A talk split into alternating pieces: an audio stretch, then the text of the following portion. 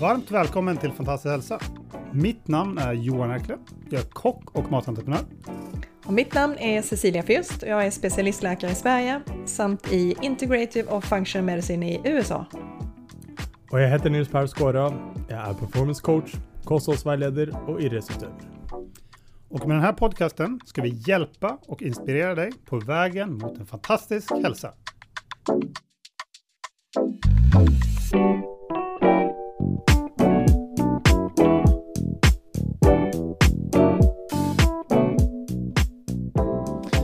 Yes, då är vi tillbaka med den andra delen av Bra form året runt.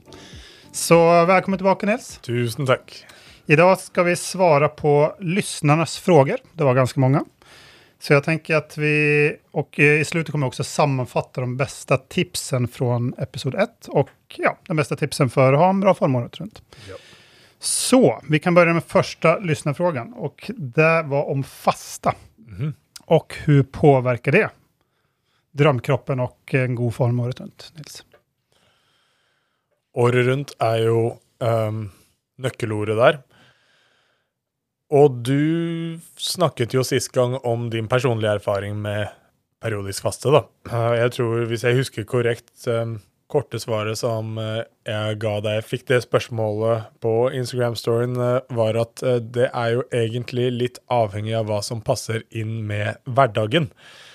Personlig så føler jeg periodisk faste kan være veldig bra hvis det er praktisk, men for noen um, så har de kanskje for seg at periodisk faste skal være veldig bra fra et teoretisk eh, standpunkt, og så hører jeg folk snakke om at det er litt sånn kjipt med å følge fordi jeg sitter på jobben mens alle spiser lunsj, og så bare sitter jeg og ser på dem, eller um, de skal ut på middager og ting som de ikke får ja, som de ikke får samme glede av som de har gjort ellers. Da passer det ikke nødvendigvis inn med uh, Kall det livsstilen, da.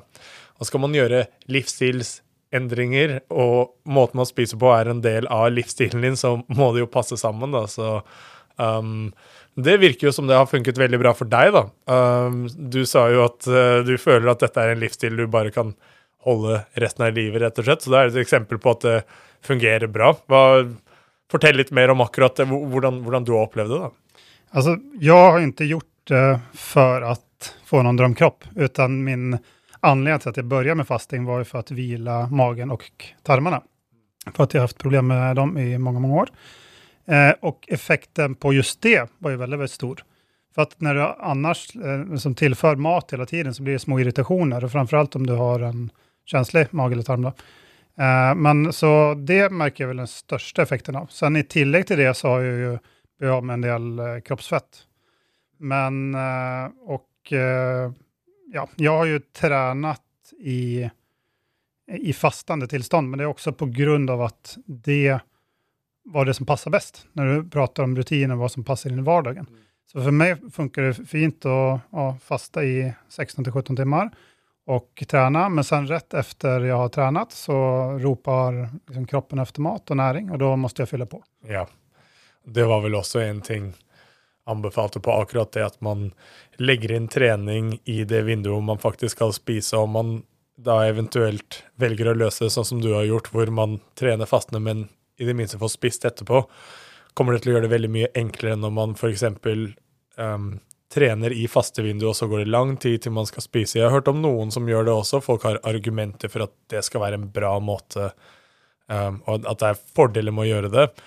Men eh, det fins tilsvarende motargumenter som jeg personlig mener er ganske gode argumenter, egentlig, for at eh, det er lurt å um, i det minste få spist etter trening, om ikke før og etter at man legger treningen helt inn i det vinduet man spiser. Da. Så det syns jeg høres smart ut at du gjør. ja, det låter bra. Uh, yes, vi skal gå videre til neste fråga. Da fikk vi en her på uh, magfett. Tips är hur man blir av med det.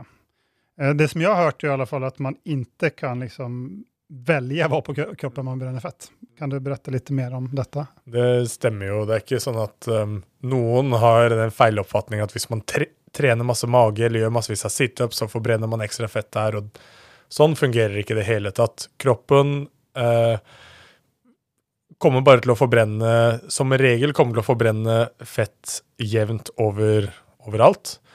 Um, magefettet er eh, litt annerledes eh, enn annet fett som er i kroppen. Eh, spesielt fordi det har en eh, litt mer in insulerende funksjon. eh, holde på å varme, beskytte organer og eh, diverse. Så eh, derfor er det vanskeligere å bli kvitt magefettet enn annet fett. Det er som regel det fettet som forsvinner til slutt. Men generelt sett så kan man si at hvis den, eh, hvis den generelle fettprosenten bare går uh, lavt nok ned, så kommer jo magefettet også til å gå ned. Um, og selv om det ikke går an å sånn kalle det spot-redusere hvor man forbrenner fett, så fins det faktisk uh, Det fins enkelte enzymer som er involvert i uh, for, spesifikt av forbrenning av magefett. Disse kan aktiveres bl.a. hvis man trener med veldig høy intensitet. Man sier du kjører noe høyintensitetsintervalltrening, eller som jeg nevnte tidligere med sprinterne, f.eks. friidrett. Uh, bare det å kjøre uh, sprint er også med på å aktivere den fysiske aktivitet som aktiverer disse enzymene, som kan gå spesifikt på magefettet. Så ehm, den effekten her den er nokså marginal sammenlignet med Altså Det er ikke sånn at det gjør at man forbrenner massevis av magefett og ingen andre steder, men det er noe forskning som tyder på at det er faktisk mulig gjennom den måten. Så uh, trenger ikke alle sammen gå ut og bare sprinte seg i hjel på grunn av at jeg sier dette her. Det er bare det å få ned fettprosenten som kommer til å ha mest å si. Men det er kanskje den ene måten det kanskje kan gå an å kalle det sånn spot-redusere. Det finnes også enkelte matvarer som gjør at man har en tendens til å lage, lagre ekstra magefett. Så unngå dette kommer også til å være viktig. Det er en grunn til at man kaller det ølmage. Hvis spesielt hvis du kombinerer alkohol og uh, sukker. Nevnte jo dette her med at um, uh, sukker, når man er i kalorioverskudd, veldig lett for kroppen å da uh, omdanne det overskuddet til kroppsfett. Spesielt da rundt magen. Hvis du drikker alkohol, så er det slik at alkohol inneholder jo også en, en del kalorier. Um, mer per gram enn både karbohydrater og proteiner. Og kroppen klarer ikke å lagre energien fra alkohol eh, noe steder. Klarer ikke å lagre det i kroppen. Man må forbrenne alt sammen. Så det betyr at mens man drikker alkohol, så er kroppen opptatt med å forbrenne den energien, og alt man tilfører samtidig som man har alkohol i blodet, kommer sannsynligvis bare til å bli lagret rett i fettet, fordi kroppen har ikke noe annet sted å gjøre av det mens det er opptatt med å forbrenne kaloriene fra alkoholen. Så det er viktig å huske på i, i forhold til at eh, det, er ikke, det er ikke bare kaloriinnholdet i alkohol.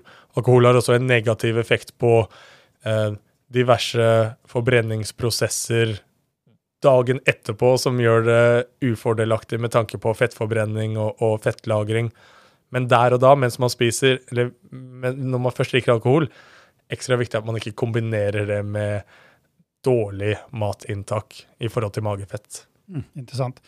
Eh, Du sa innledningsvis der at det var svårt å bli av med fettet på magen på grund av organ osv. så vidare. Mm. Eh, Kan du berette litt mer om det? Er är det så sunt å ha lite magfett om det har en funksjon i kroppen? Godt spørsmål. Den uh, funksjonen er ikke en, Den er jo ikke livsnødvendig for oss som har hva skal man kalle det, ubegrenset tilgang av uh, mat og eh, klær og diverse som vi kan regulere temperatur fint når vi sitter her inne med varmeovner og diverse. Det har jo også en funksjon eh, se på kvinner, uh. For i forhold til uh, graviditet. Um, det er hovedsakelig ekstra energilager som er hovedfunksjonen til fett. Så dette her med at det er insulerende og kroppsvarmende og sånt, det er en, kall det en sekundær funksjon som jeg tror i den sånn moderne verden ikke er livsnødvendig. Men dette ekstra energilageret, det er jo relevant, liksom vi var inne på eh, sist gang, i forhold til hormonhelse. Det gjør litt med signalisering eh, hvis man kommer veldig lavt ned i eh, kroppsfett, at eh, kan være ugunstig for hormonhelsa, spesielt hvis det har blitt oppnådd gjennom eh, Kall det underernæring, rett og slett. Så er ikke det helt sunt, kan man kalle det. Ja. Bara en tilläggsfråga. Uh, jag tänker att när han pratar om uh, magfett så är det säkert för att synliggöra sixpacken och liknande. Uh, även om det inte liksom hjälper att bränna fett runt magen och träna magövningar så får du väl större, mer synliga magmuskler när du värder av med fettet om du tränar med mage. Så att, eller hur funkar det? Jo, det er et godt poeng. Um, samtidig så er det nok slik at så å si alle har nok med magemuskler til at hvis man får lav nok fettprosent, så kommer man Alle har en sixpack under magefettet uansett. Um, det at den kan bli synlig ved en høyere fettprosent enn det det hadde vært ellers, pga. at man har store magemuskler, eller at uh, bare mer muskler Mer muskelmasse, rett og slett, uh, på, i hvert fall på de ytre magemusklene. Det kan skje, og det, det ser man hos noen også. Um, men der vil jeg si at det er minst like viktig med ikke bare mageøvelser, men når man gjør baseløft som f.eks. tunge knebøy, markløft, uh, bare skulderpress, bare å holde en tung vekt over hodet, er noe av det mest krevende man kan gjøre, stabiliserende for kjernemuskulaturen.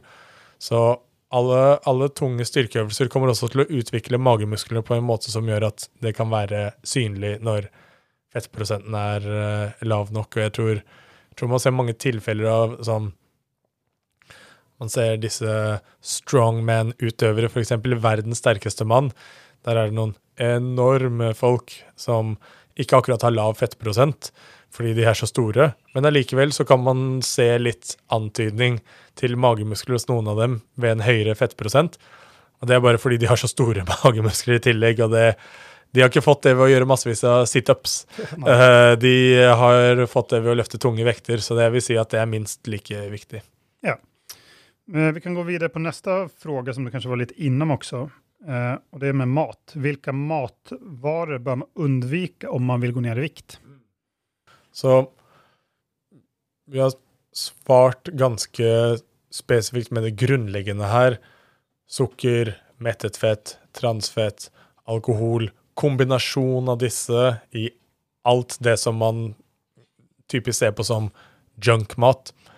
Men et litt mer um, generelt, men fortsatt konkret tips, som jeg tror er viktig for å um, viktig for alle å unngå, som vi også har vært uh, inne på. I hvert fall viktig å unngå i forhold til um, når man skal ned i vekt. Det er all småspising. Eller om man definerer det som spising som ikke er en del av et måltid. Så Det er derfor det er så viktig å ha et rammeverk for hva du skal spise. Hvis du har planlagt måltidene dine på forhånd, og du får i deg tilstrekkelig med gode næringsstoffer i hovedmåltidene, og du definerer at det du putter i deg, det er et måltid, da eliminerer man automatisk den ekstra dårlige maten man ofte får i seg i form av småspising. Så det vil jeg si er kanskje uh, noe av det viktigste uh, man unngår, fordi mange har kanskje et OK kosthold, spiser kanskje litt lite, men så er det massevis av småspising i løpet av om det ikke er daglig, så er det i hvert fall mye småspising i løpet av en uke som akkumulerer over tid og bidrar til at man legger på seg magefett. Typisk snacks, for eksempel. Du vil ikke se på snacks Potetgull er ikke et måltid. Uh, så uh, hvis, hvis, hvis, man begynner å se på alt man spiser som et måltid, tror jeg ikke man spiser potetgull og sjokolade til samme grad man har gjort ellers. da. Kanskje litt som dessert. Det kan man gjøre. Det er en del av et måltid. Men da spiser man det kanskje mer i sin rette proporsjon enn om man bare spiser så mye man føler for når det står uh, foran deg på bordet på kvelden. Ja, men når du sier småæting, så er jo det man äter når man småäter er vel kanskje som du var inne på, liksom kanskje ikke så nyttige saker. Ofte um, høy sockerinnehåll eller onyttigt fett eller liknande. Men hva med om man går och småäter grönkål og tar en liten sked med olivolje og saker som ikke er så dumt? da?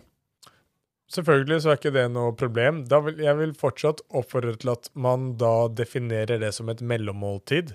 Um, bare det å gå og knaske på ting dagen lang Det er nesten som man venner seg til en sånn psykologisk vane at man hele tiden trenger noe å eh, tygge på, eller hele tiden skal smake et eller annet i munnen, da tror jeg, selv om man gjør det med sunne ting, så tror jeg det øker sjansen for at man også kommer til å gjøre det med uh, usunne ting.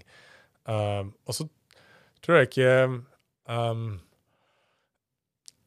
jeg tror, man, jeg tror, ikke man, nyter å sette pris på det på samme måte som når man faktisk setter seg ned ved et bord og har fokus på at uh, nå spiser jeg. Det handler noe om at man signaliserer til kroppen at nå inntar jeg næring. Uh, og det går faktisk an å småspise og overspise eh, på sunne ting også. Jeg vet om noen som bare småspiser nøtter hele tiden. For eksempel, nøtter er jo sunt, men det er også veldig kaloririkt pga. det, det er mye fett. Det er sunne fettsyrer, vel å merke, men når, hvis man skal oppnå et kaloriunderskudd, så gjør man ikke det hvis man småspiser på nøtter hele tiden. Um, jeg tror de færreste har Færreste har et psykologisk behov for å småspise på grønnkål, eller Ja. Så det er kanskje ikke like normalt. Nei, det er sant. Men uh, hva med uh, frukt? Det er også en ganske mye debatt at det er mye fruktos. Visse mener på at man nesten ikke skal spise noe frukt foruten i sesong. Hva tenker du der? Jeg tenker at fruktsukker i store mengder er ikke bra. Men man kan spise frukt uten at man får i seg fruktsukker i store mengder.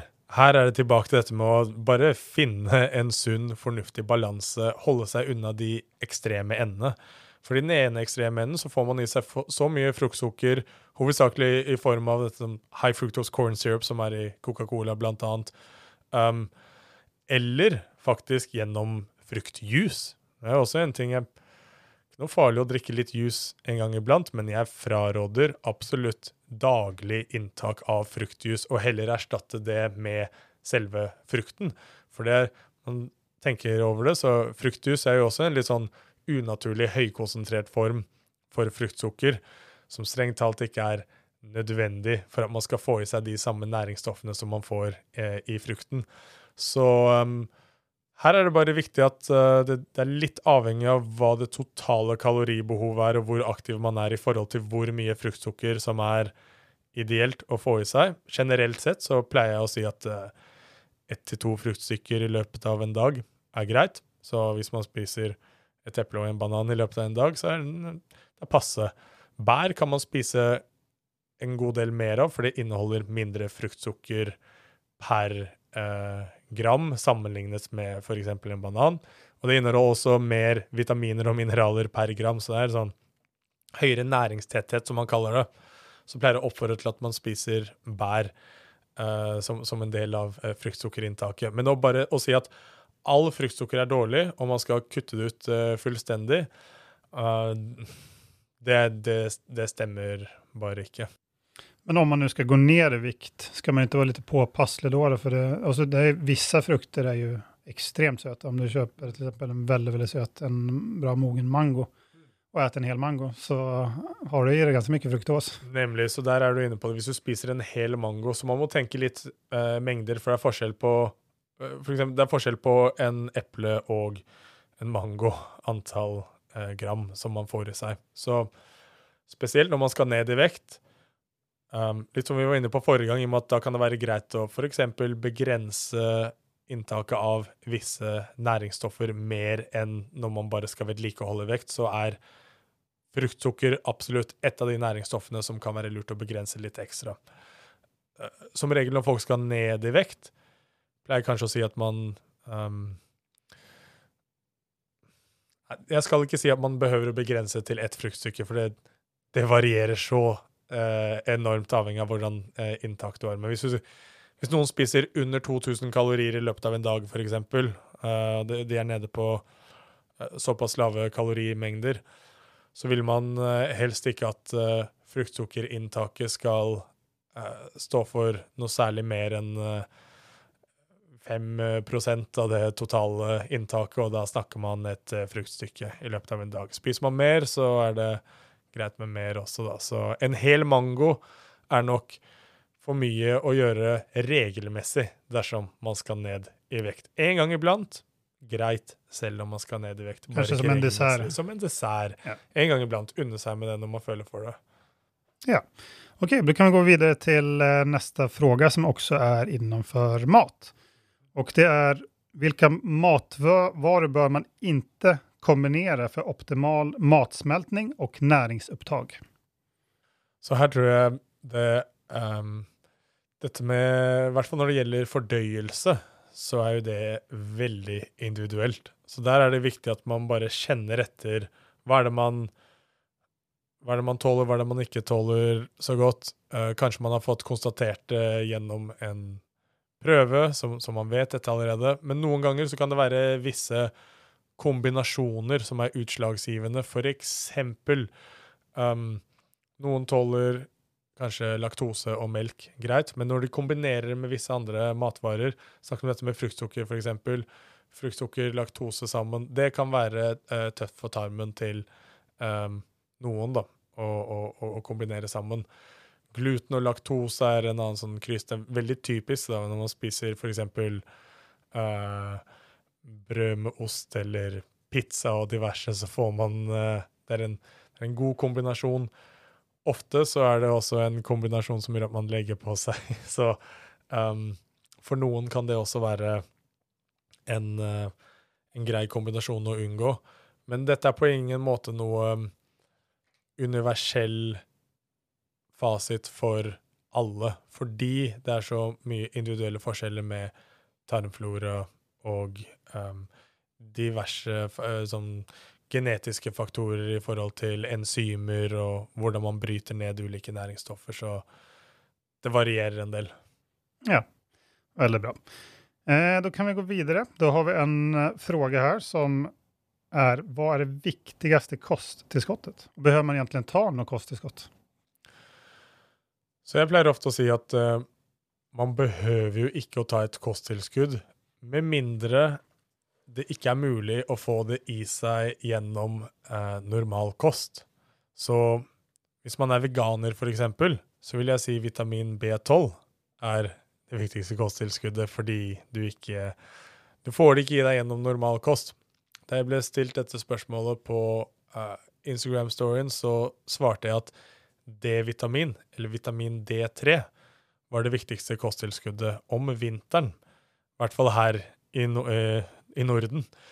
Og det er fordi man får rett og slett ikke tilstrekkelig vitamin D verken gjennom maten man spiser eller sollys, som gjør at hvis du ikke tar tilskudd eller solarium eller et eller annet, så kommer du til å få eh, Du kommer mest sannsynlig til å få mangel. Um, og dette er et stort problem, problem for folkehelsa her i Skandinavia, som folk Det er veldig rart at det ikke testes mer for vitamin D-mangel. Jeg tror nesten de fleste, hvis de hadde gått til fastlegen og spurt om dette her om vinteren uten at de tar tilskudd, hadde blitt overrasket over hvor lavt nede de ligger. Vi- har jo snakket om dette tidligere på podcasten. Så D3 viktigste uh, i den forstand. Ja, veldig bra. Eh, da går vi videre til neste spørsmål, och det är fördelar, eventuellt nackdelar med kyla och värme för att återhämta sig. Ja. Først, før jeg svarer på det spørsmålet, så vil jeg bare legge til til kosttilskudd. Det Den nummer to på listen, som vi også har snakket om her, gurkemeie. Uh, massevis av fordeler med gurkemeie. Trenger ikke, det, det kan vi snakke mer om senere, men jeg ville bare skyte den inn der, for det kan man heller litt vanskelig å få i seg det tilstrekkelig bare ved å bruke uh, vanlige krydder. Eh, honorable mention. Um, så når det gjelder dette med um, varme og kjøle, da snakker man ofte om kanskje isbad, um, badstue og diverse. Dette blir brukt som restitusjon for å um, hente seg inn kjappere etter trening, og det fungerer bra som det. Men man ser også det at um, det kan være med på å hemme selve treningseffekten man får, eh, i den forstand at det reduserer stresset som har blitt påført på musklene, eller reduserer skaden. Jeg var inne på det tidligere, muskelvekst f.eks. Bare um, bare det å bryte ned muskelfibrene stimulerer til at de vokser og blir sterkere. Så når man på en måte hemmer det litt, og gjør at det ikke skjer til samme grad, så responderer ikke nødvendigvis kroppen til samme grad som den har gjort uh, ellers. Um, det betyr ikke at uh, det ikke kan være veldig nyttig å bruke isbad i forbindelse med trening, men å bruke det til riktig tid. Enten hvis man bare har sånn veldig heavy treningsopplegg man skal komme seg gjennom, en eh, toppidrettsutøver uh, f.eks., som trenger en større treningsmengde enn det som er nødvendig bare for å få gode fysiologiske resultater. Der kan det være lurt å bruke isbad for å hente seg inn mellom treningsøkter. Det kan være lurt å bruke isbad for å hente seg inn før kamp og konkurranse, f.eks. Men um, hvis man er opptatt av å få maksimal treningseffekt etter trening og man har god tid til å restituere mellom treningene, så pleier jeg å anbefale å bruke isbad ikke etter trening, men f.eks. slik som jeg vet du har nevnt, du gjør det tidlig på dagen. Du tar deg en isdusj, eller kanskje noen bor nærme nok et vann hvor de kan ta seg et isbad. Så det, finnes det massevis av helsefordeler med det også, både for um, hjertet, sirkulasjonssystemet, immunforsvaret, um, og uh, kan ha en uh, restituerende effekt også. Ja, Men eh, badstuen Jeg hørte her i veckan ting om at det skulle være bra for, for muskelväxt.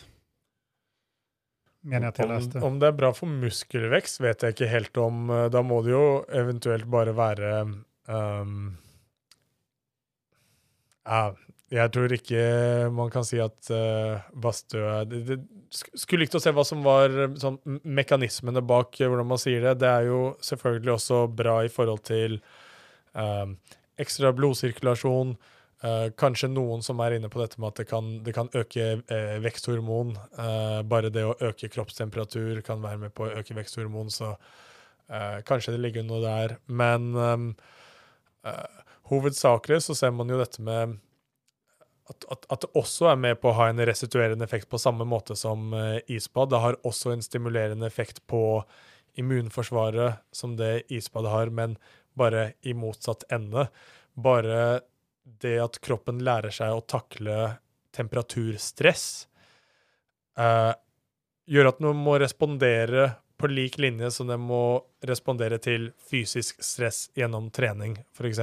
Så det som skjer, er at etter man har vært i badstuen eh, over en viss tid, begynner man å produsere eh, visse enzymer som er med på å gjøre at man skal kunne tolerere de temperaturendringene. Og disse enzymene har positiv effekt både på immunforsvaret, for hjertehelse, en rekke helsefordeler som man ikke får dersom man ikke um, er i badstue lenge nok og presser seg selv, på samme måte som man må presse seg selv på trening, til å takle det stresset.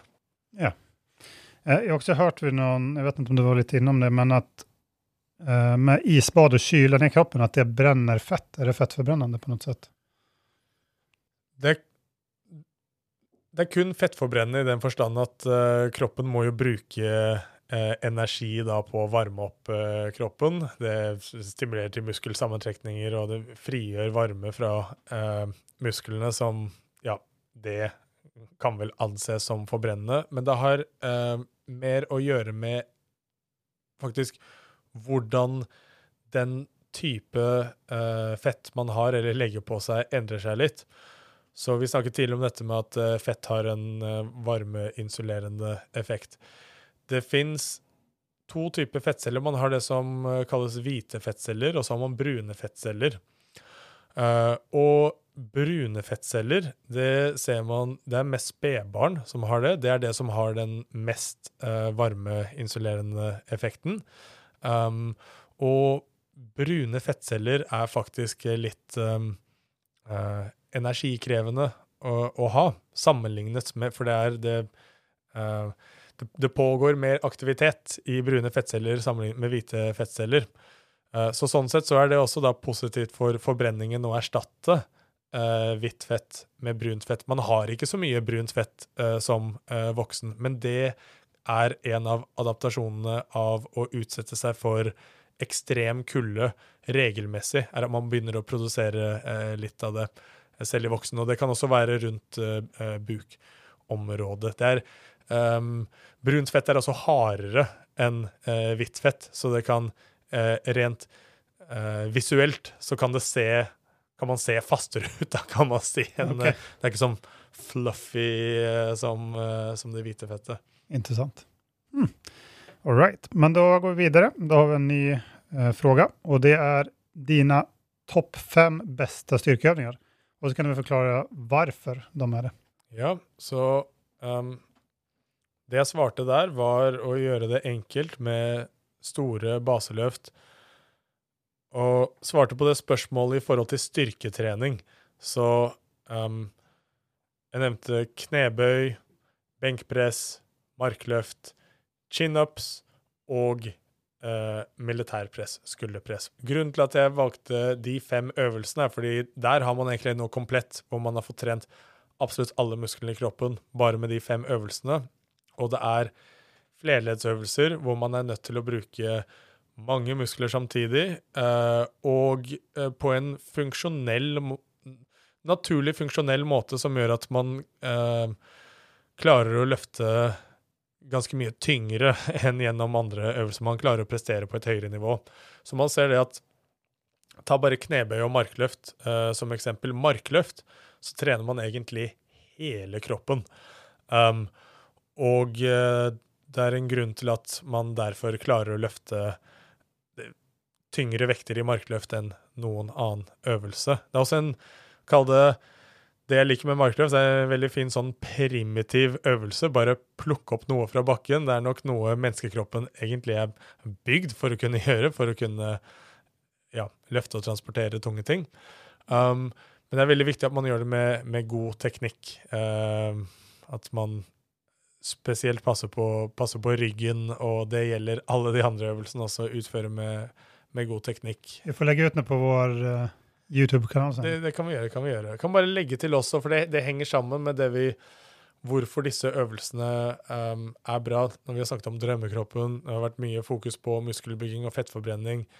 Når man gjør disse øvelsene, så oppnår man begge deler langt mer enn når man gjør isolasjonsøvelser eller sånn, kall det maskinøvelser, fordi du aktiverer såpass mye muskler, kan løfte med tunge vekter som gjør at du uh, bygger mye muskler men det er mer energikrevende å bruke flere muskler, som gjør at det også vil være mer fettforbrennende. Pluss at når du uh, får trent med uh, tunge baseløft, så kommer det til å være med på å stimulere til mer testosteronproduksjon, veksthormonproduksjon, hormoner som er med på å øke forbrenningen. Så det ser man spesielt ved de, de tunge benøvelsene. Ofte så må jeg bruke det som, kall det salgsargument for uh, sånn unge menn som ikke er så opptatt av å trene ben, de vil bare trene masse overkropp. Så sier jeg det at hvis du bare trener tung knebøy, så kommer kroppen til å produsere mer testosteron. Det er en bra ting, det vet jeg du vil ha. Og nummer to, de hormonene sirkulerer i hele kroppen, som gjør at det også kommer til å bidra til økt muskelvekst uh, selv i overkroppen om man forbrenner mer fett. Så det er derfor jeg valgte valgt de øvelsene. Veldig, veldig bra. Yes, da går vi videre. Da har vi en ny fråga som er Kan man bygge muskler om man primært trener sykling og løpning? Mm, så det er et veldig godt spørsmål, og um, noe jeg indirekte har erfaring med, i og med at jeg spilte basketball uh, store deler av uh, livet, oppveksten, og kombinerte det med styrketrening. Og uh, svaret er ja, det er mulig. Um, da jeg spilte basketball, eksempel, og bare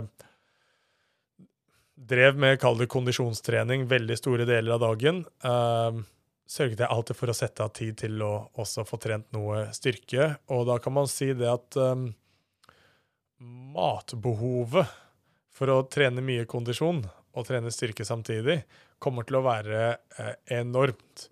Så det er kanskje den største fellen folk går i hvis de, eh, hvis de sykler mye, løper mye, driver med mye kondisjonstrening, og så skal de trene styrke i tillegg. Det er veldig lett å bli overtrent hvis ikke man spiser nok. Og da kommer man ikke til å bygge muskler noe særlig effektivt. Så det er absolutt eh, mulig. Eh, viktig at man spiser nok. Og så um, er det også lurt å benytte seg av det som kalles periodisering, hvor du kan velge ulike perioder hvor du har ulikt hovedfokus.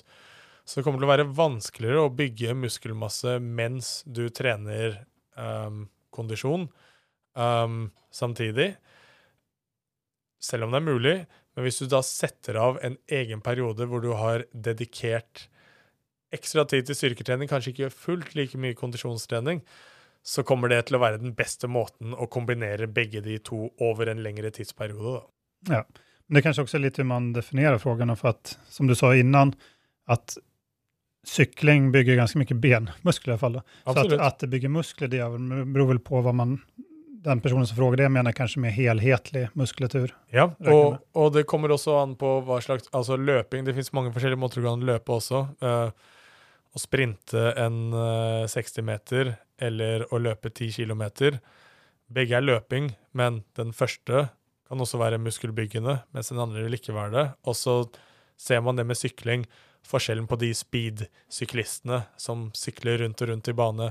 Syklister som har masse melkesyre i lårene, som uh, ja, sykler massevis av ikke, oppoverbakker med høy intensitet og diverse. Og syklister som bare har lavere intensitet uh, over lang tid. Det kommer også til å avgjøre muskelmasse, da. Men får man ikke mye melkesyre om man springer långa lång, lange distanser også? Ideelt sett så skal man jo ikke det, fordi uh, de, de, beste langdistanseløperne er veldig flinke til å holde seg rett under melkesyreterskelen. For så snart man vipper over til at man begynner å produsere melkesyre, så er dette hemmende for uh, muskelsammentrekningen og bare utførelsen av noe form for uh, både kondisjonsarbeid og eh, eksplosivt arbeid. Så um, løper man lange nok distanser, så skal man Man produserer alltid noe melkesyre, det er en del av det, men man skal holde seg under den terskelen hvor man produserer melkesyre til stor grad. Da. Det er derfor man ser såpass stor forskjell på fysikken til f.eks. en maratonløper eller eh, de som driver med mellomdistanse, hvis man løper 400 meter f.eks., så må man ha både kondisjon, men også høy melkesyreterskel. Til og med 800 meter ser man at folk er uh, slankere, men det er noe melkesyre inne og går der også, og da har de en kraftigere uh, kroppsbygning enn de som skal løpe enda lengre. Ja. All right. Eh, då har vi neste fråga som er vegansk kost versus normal, om man nu kaller det normal ja. kost, og i forhold til en god form og drømkroppen. Hva tenker du der?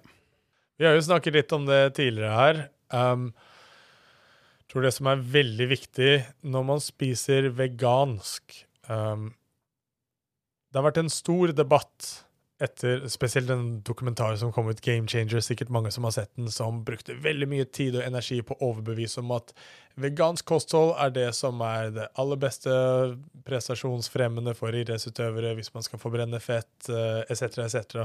Og så har man motparten som prøver å si at det er direkte dårlig å spise vegansk, at man ikke klarer å bygge muskler, og hele debatten blir på en måte hva er det som er best. Mens jeg personlig mener at den, den, debatten burde man egentlig bare slutte med. Fordi det behøver ikke være slik at det ene er bedre enn den andre. Kan, man må heller bare være eh, bevisst på hvordan man tilpasser måten man strukturerer kostholdet på for å få maksimalt utbytte av vegansk, eller kall det normalt. Um, så jeg tror en ting som er veldig bra med eh, vegansk, er at ofte så ser man det at um, mye dårlig mat man spiser, er ofte ikke eh, vegansk. Um, alt av sånn, altså fritert uh, mat og diverse, det pleier ikke å være vegansk, uh, i hvert fall. Um, så det er bra å spise uh, vegansk hvis du spiser Kall det clean, men du må også være bevisst på at det er visse ting man må være ekstra oppmerksom på. Sørge for at man får i seg alle de eh, essensielle aminosyrene. Kombinere ulike proteinkilder eh, i diverse måltid. Eh, sørge for at man får i seg nok vitamin B12. Være oppmerksom på kalsiuminntak. Masse grønnsaker som har uh, nok av kalsium, men man må spise de grønnsakene. Og uh, omega-3. Sørge for at man får i seg god sånn, plante-omega-3-rike kilder. Og um, um, når man spiser normal kost, så er det alle de tingene som vi har vært inne på uh, tidligere, da, som er viktig. Mm, interessant. Men du sa det at uh, få i seg aminosyre og så videre. Hva er det for, har du noen eksempel på noen sånn kombinasjon? For at visse av bønner og linser er jo ikke komplette. Hva skal man kombinere det med? Ja, Godt spørsmål. Så det er tre hovedkategorier hvor man er nødt til å kombinere to av de tre kategoriene. Den første, uh, første kategorien er um, kornprodukter og hveteprodukter. Um, og uh, ris er også i den kategorien. Andre kategorien bønner, linser, belgfrukter. Og den tredje kategorien nøtter og frø. Så hvis man kombinerer to av de tre kategoriene, så får man komplette aminosyrer. De færreste eh, proteinkildene i de tre ulike kategoriene er komplette i seg selv. Det fins noen, sånn som soyabønner og hempfrø og diverse. Men som regel så må man kombinere to av de tre sammen. Og man er ikke nødvendigvis nødt til å gjøre dette i ett og samme måltid. Det er absolutt en fordel å gjøre det, men kroppen er i stand til å ta i bruk alle aminosyrene hvis man spiser det i løpet av uh, en dag. Men det er bare veldig viktig at man er bevisst på at man inkluderer vil anbefale å inkludere alle de tre kategoriene som en regelmessig del av uh, dagskostholdet hvis man spiser vegansk. Ja, veldig bra. Yes, da går vi til neste spørsmål. Og da er vi på faktor for synlige blodårer, foruten låg fettprosent. Hva sier du der. Så um, genetikk viktig der. Man ser noen som nesten bare Man ser massevis av blodårer uten at de engang trener eller noen ting, så det spiller jo en rolle. Men det er klart at um, det gir jo logisk mening at desto, desto, mer aktivitet man gjør som gjør at blodårene må jobbe og utvide seg, um, så kan de da også bli større og mer synlige over tid. Og da er det jo dette her med Man ser mange bodybuildere av store eh, blodårer, både fordi det er lav fettprosent, men også pga. den melkesyretreningen som eh, vi har snakket mye om både i dag og den forrige podkasten. Um, så mye, mye melkesyrearbeid kommer til å gjøre at blodårene må jobbe ekstra, utvider seg og eh, kan bli mer synlig over tid.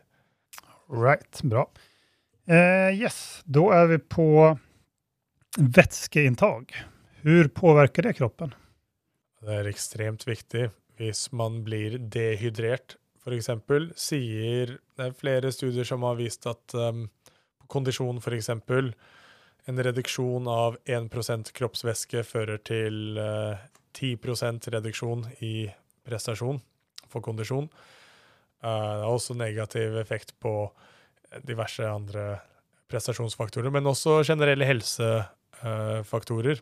Så det å drikke nok vann, viktig, det vet alle. Men man skal heller ikke drikke for mye vann, for da har man de som tenker på at det er superviktig å drikke vann, og så går de rundt med vannflasken sin hele tiden og bare drikker masse, og så uh, går man på do og skiller ut massevis av salter som gjør at man får det man kaller en elektrolyttubalanse. For væsken trekker med seg saltene. Så ideelt sett så skal man bare få i seg uh, nøyaktig den samme mengden som man mister i løpet av en dag, både gjennom uh, svette, respirasjon og diverse. Um, og dette varierer jo så enormt, både fra individ til individ, men også avhengig av uh, klima og diverse. Så i stedet for å gi noen generelle anbefalinger om nøyaktig hvor mye væske du skal drikke, pleier jeg bare å si at um, man skal drikke så man ikke blir tørst. Um, og dette må man kanskje uh, få et bevisst forhold til over tid. Man vet jo ikke på forhånd når man kommer til å bli tørst, men um, man kan i hvert fall ha erfaring med hvor mye man trenger å drikke for at det ikke skal skje, og så ikke drikke noe mer enn det heller. Hvis man først har blitt tørst, så er man um, Da har man allerede litt lavt uh, væskenivå i kroppen når man er litt på etterskudd. Um, og, og, så er det også bra optimalt for uh, væskeinntaket at man drikker litt og litt, ikke drikker altfor mye av gangen, så man trener f.eks. Eh, ikke bare vent masse til du er svett, og da kjenner man sannsynligvis at man er tørst, og så bøtter man nedpå med en halvliter eller en liter med væske, kommer man ikke til å absorbere det like effektivt som når man bare drikker det eh, gradvis utover hele treningen. Og det gjelder også væskeinntak ellers eh, gjennom hele dagen. Ja, vi prater jo litt når vi prater om immunforsvaret, jeg og Cecilie. Ja. Så hennes rekommendasjon var jo just å ta en flaske, så du kontrollerer at du kanskje drikker ja, men det er som sagt litt ulike faktorer som påverkar, men at kanskje en og en halv til to liter per person var det hun rekommenderer da. Ja, så der er det viktig å, å huske på um, Altså, det er veldig Jeg er helt enig, det kan være lurt å ha en, uh, en flaske, eller målt opp uh, noe som, som, du vet kommer til å være uh, bra og riktig for deg. Um, men hvis man bare skal ta et eksempel der, da um, En ting er individuelle faktorer, men en annen ting er klimafaktorer. Um, da jeg var Når jeg har vært på treningsleir i eh, varme eh, strøk, eller da jeg var i Jamaica, da var det sånn at jeg uh, kunne ikke bare ta vask fra springen. Må, hver dag så måtte jeg gå og kjøpe en sånn stor uh, dunk med en sånn femliters uh, dunk. Um, og den Det merket jeg, sånn som jeg levde der nede. Det var akkurat for lite til det jeg trengte. Jeg trengte en femliters dunk pluss kanskje eh, en halvliter eh, til. Og da følte jeg meg bra eh, hver eneste dag. Da fikk jeg på en måte kontrollert og målt opp det ganske greit.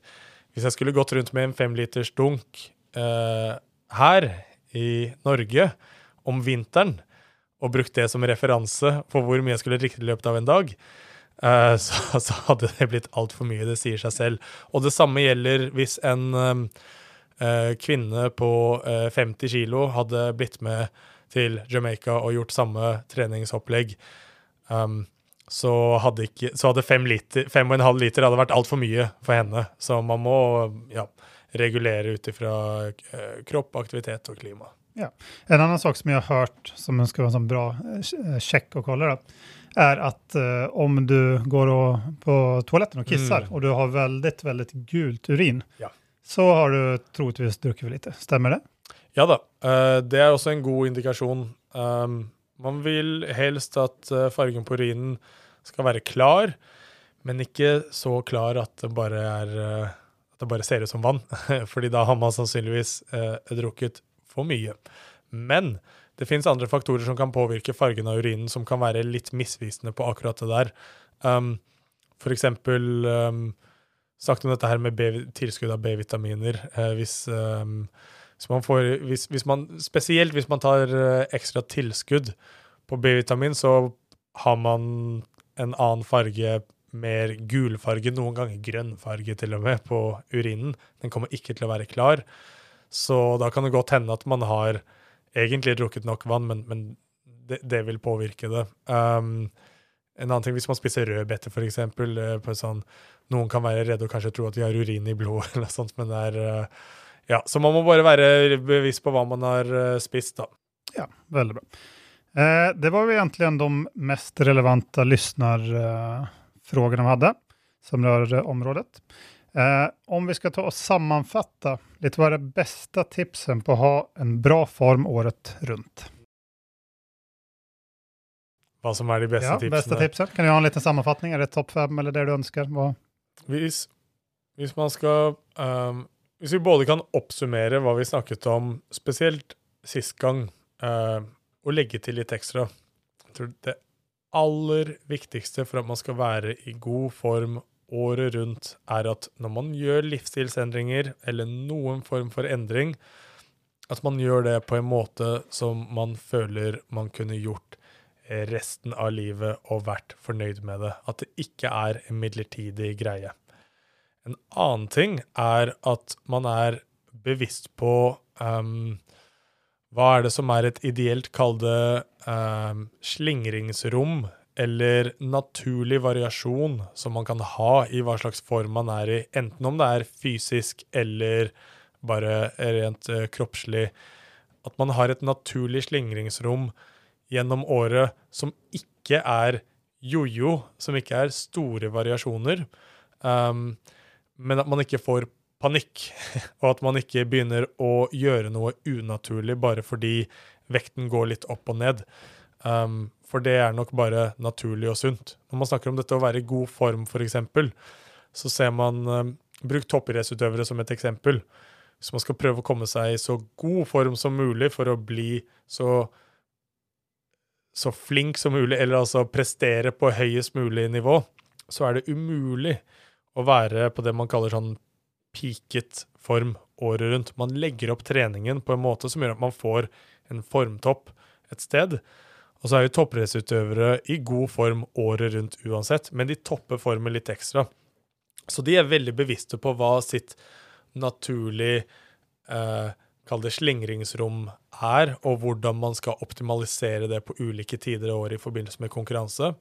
Og selv om man ikke er idrettsutøver, så tror jeg det er veldig viktig å være eh, bevisst på at um, selv om du har en viss type eh, form eller fysikk som du syns er eh, helt topp, så er det OK at du ikke er der tolv måneder eh, i året, men at du har en bevissthet på hvordan du kan spise eller trene slik at du kan ja, få det til, si hver sommer, om det er det som er viktig for sommerkroppen, eller at, at, at man kanskje tillater seg at formen synker litt, men ikke forbi det stadiet som gjør at man er nødt til å ta eh, ekstreme, gjøre ekstreme tiltak for å komme seg tilbake der man var, da.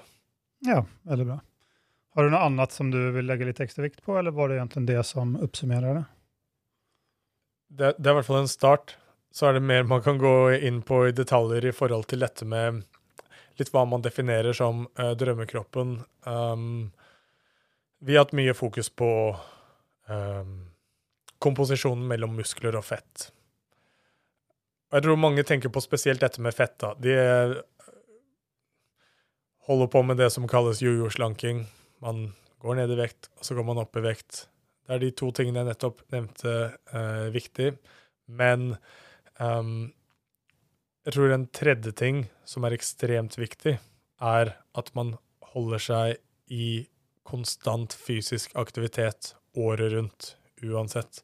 For det er også en ting som jeg tror er ganske normalt, at folk tar skippertak med at um, nå skal de trene superhardt og trene kanskje så hardt og så mye mer enn det som de vet er realistisk at de kommer til å få til i lengden. Og det er ikke noe problem å gjøre det i perioder, så lenge um, så lenge det ikke fører til at uh, motparten uh, blir at man ikke gjør noen ting i det hele tatt. Um, sørg for at man bare får faste, gode treningsrutiner på plass, som er grunnstammen i det man gjør året rundt. Hvis man kommer til et punkt der man bare føler at noe mangler, eller man ikke føler seg vel hvis man ikke får komme seg på trening, da har man kommet veldig langt. Um, så det vil jeg si er tredje viktigste. Tren konsekvent året rundt. Og på en måte du trives med og syns er gøy. Ja. Noe som jeg, jeg tykte du, som var bra, som du sa i forrige avsnittet, var det at ikke liksom kjenne den stressen. Og at man eh, tenker litt langsiktig. Och att man liksom bygger det över tid. Att liksom, nej, nu måste, imorgon ska jag ha drömkroppen. Det funkar liksom inte. Man måste sätta av lite tid och kanske tänka lite, kanske någon år fram i tid eller månader, år. Alltså hellre än att å, nu kommer sommaren om två veckor. Det funkar liksom inte. Nej, det är extremt viktigt att bara benytte sig av den kapasiteten vi har till att tänka långsiktigt. Vi snakket også litt om dette med hvordan vi blir påvirket av diverse primitive impulser, eh, om det er gjennom sosiale Enten primitive impulser i den forstand at man har lyst til å spise et eller annet her og nå som gjør at man føler seg bra, men så angrer man på det i morgen, eller man klikker på et eller annet, mater hjernen med informasjon som man ikke trenger eller påvirker deg negativt. Motparten til det primitive, kortsiktige, er å bare heve bevissthetsnivået sitt lite grann, hvor man kan tenke, tenke noen steg fremover. Bruke visualiseringsevnen sin til å bare kunne slappe av og ha en trygghet i å stole på prosessen og planen man har lagt for at man skal få de resultatene uh, man ønsker å ha i lengden. Um, hvis du har en hvis du har en fireårsplan kontra en fire ukersplan, eller til og med fire månedersplan Noen ser kanskje på fire måneder som langsiktig, men jeg vil si at det er bare fire måneder er nok tid til at du kan skape et bra grunnlag for noe langsiktig.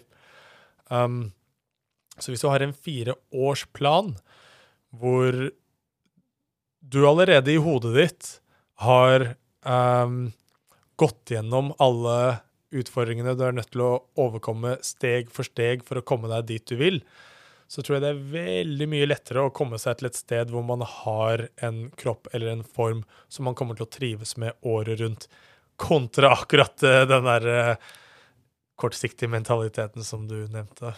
Ja. Og så tenker jeg også at man kanskje setter realistiske mål, da. Så at man ikke tenker ok, men så der skal jeg se ut.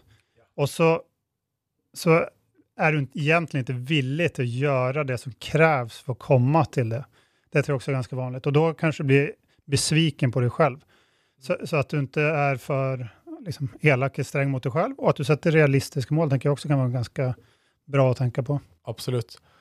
Um, der tror jeg også Jeg tror det var Bill Gates som sa det at um, mennesker har ofte en evne til å overvurdere hva man er kapabel av å få til i løpet av et år, men så undervurderer man hva man er kapabel av å få til i løpet av ti år.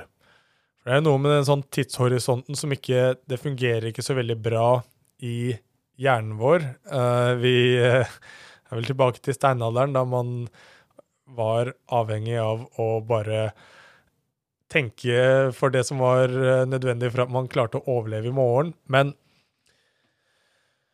dette med å sette realistiske mål, det tror jeg det, det er mest av alt en utfordring når, når, man, når man, ser på um, en kortere tidshorisont. Så ett år er jo egentlig ganske lang tid når du snakker om å gjøre endringer med kroppen og formen, men folk har som regel ikke den tålmodigheten engang. Det er Man vil oppnå veldig mye i løpet av um, åtte uker. Så da må man være veldig realistisk med hva som er mulig å få til da, men så kan man helt fint sette ordentlig høye, ambisiøse mål, noe som kanskje for de fleste vil virke urealistisk å få til, så lenge man har en realistisk tidshorisont. Og det er der flere år fremover i tid kommer inn. Nesten uansett hvilket mål man har satt seg, med mindre man skal bli verdensmester i et eller annet, og, altså noe som om man helt åpenbart ikke har utgangspunkt til det, så ja. Men bare rent sånn de typiske kroppslige målene som folk kan sette seg, eh, da kan man oppnå nesten Hvem som helst kan oppnå hva som helst omtrent, bare man har lang nok tid på seg. Ja. Eh, en annen sak som, eh, som jeg syntes var bra, som jeg leste i en bok, var at om du nå er på jakt, liksom, hvordan vil du se ut? Da kan du se på ulike typer av idrotter, for du hadde frågat hvilken idrettsform som er best. Eh, hur ser en kampsporter ut? Hvor ser en tyngdløfter ut? Om du vil bli superlean så kanskje du ikke skal begynne med kulstøtning. om du, ser, om du på det. Så att man ser på vilken idrottsform passar mig och hur har de, vilken kropp har det? Ska du bli superbiffig så ska du kanske inte heller hålla på med maraton, tenker jeg. Ja da, det er et veldig godt poeng. Og der eh, Enda et poeng er det vi har vært inne på tidligere med eh, genetikk, kjenne etter hva som er riktig for seg selv. For én feil kanskje ma mange kan gjøre der. Eksempel, jeg drev med basketball før. Se på de beste basketballspillerne i verden. Alle er kjempehøye. Uh, betyr det at man blir kjempehev og å spille basketball? Det blir man jo ikke. Men det er en genetisk faktor som er med på å bidra til at man lykkes som basketballspiller. På samme måte så uh, er det nok også en del andre idretter hvor skal man bli verdens beste i et eller annet, eh, eller bare komme til et høyt nivå med det, så må man ha genetiske forutsetninger pluss at man trener veldig hardt på den spesifikke aktivitetsformen. Da. Så da gjelder det også å finne ut uh, hvilken hva, hva, er som, hva er det som passer min eh, genetikk? Og så kan man få veldig mye gratis ved å maksimere det man får av den type trening. da. Ja, bra. Eh, jeg tenker at vi skal nå runde av, men har vi Fins det, yes, det noen myter rundt drømkroppen? Er det noe spesielt som sirkulerer der som du vil legge vikt på, som er helt feil? Det finnes jo selvfølgelig masse, masse myter innenfor akkurat det området her, men jeg tror kanskje en av de viktigste tingene å legge litt vekt på, er mytene rundt at det fins noe mirakelpille. Eller det fins en mirakelkur, én en enkel faktor, som skal gi deg alle resultatene du er ute etter. Man er nødt til å se på helheten og ikke minst helheten over lang tid for at man skal få eh, gode, bærekraftige resultater. Så så snart noen kommer og prøver å fortelle deg at eh, hvis, du, hvis, du, bare gjør dette, og så er det en, en, veldig enkel ting å gjøre, så har du svaret til drømmekroppen, så er det på tide å løpe den andre veien, fordi da kommer man til å bli eh, misledet. Og det er selvfølgelig det som er mest salgbart. Det er jo det man vil høre. Og um, når vi har snakket om alt det vi har snakket om nå, så kan det være veldig lett å bli Spesielt hvis man har noe um, Hvis man har noe finansiell uh, gevinst å tjene på det, veldig lett å bli fristet til å gi noen enkle løsninger. Dette er det eneste du trenger å gjøre, og så får du alt du vil ha. selvfølgelig. Men det går fint an å tjene seg rik på det når folk eh, Folk skjønner nesten at det uh, er bare tull, men de vil, ikke, de vil ikke skjønne det, og så stoler man på folk. Så um, det er kanskje en um, um, Jeg vil si at det er mange ulike myter som faller inn under den ene myten, som man kan på en måte felleskategorisere veldig mye der. Ja, tycker det er bra. Ja, det finns ganske mange sådana tre veckor i drømkropp og en måned og alt vad det er. Olika program og sånt. Ja, eller ta denne pillen, gjør uh, denne øvelsen, eller Det er sånn som er veldig uh, typisk, ikke sant? Man hører um, og hvilke, eh, man, man, ser noen som har en bra trent kropp, og så spør man um, Hva er det du spiser? Man vil ikke vite alt av hva man spiser, men bare fortell meg noe du spiser mye av. Uh, og så får man høre det, og så tror man ok, hvis man spiser det, så får man den drømmekroppen. Eller tar du noe kosttilskudd? Ok, det er det kosttilskuddet jeg må ta for å få den kroppen. Eller hvilke øvelser gjør du? Så blir man fortalt hvilke øvelser, og så tror man det er det som skal til. Det er en kombinasjon av alle disse faktorene som er med på å uh, gi hele resultatet, og faktorer som man ikke tenker på å spørre om engang. Um, hvor lenge man har holdt på med det man har holdt på med, hvordan man sover, uh, stressnivå og ja, bare hvordan man restituerer mellom trening. Alle de tingene som vi har lyst til å dekke på denne podkasten, ja. egentlig. Det, Helhet. Nemlig. Det er omfattende, det tar tid å snakke om alt sammen, men uh, det er som regel ikke det folk uh, spør om når de ser noen som har oppnådd et resultat man er ute etter. Ja. ja, men det tykte jeg var bra. Jeg tenker at vi er nøyde for i dag. Så takk Nils for en bra prat. Takk selv. Takk. Og neste uke så har vi en uh, spennende, veldig kunnig gjest. Men det får du reda på neste fredag. Ha det bra. Takk for det. Takk for i dag. Takk for at du satte deg tid til å lytte på hva vi hadde å si.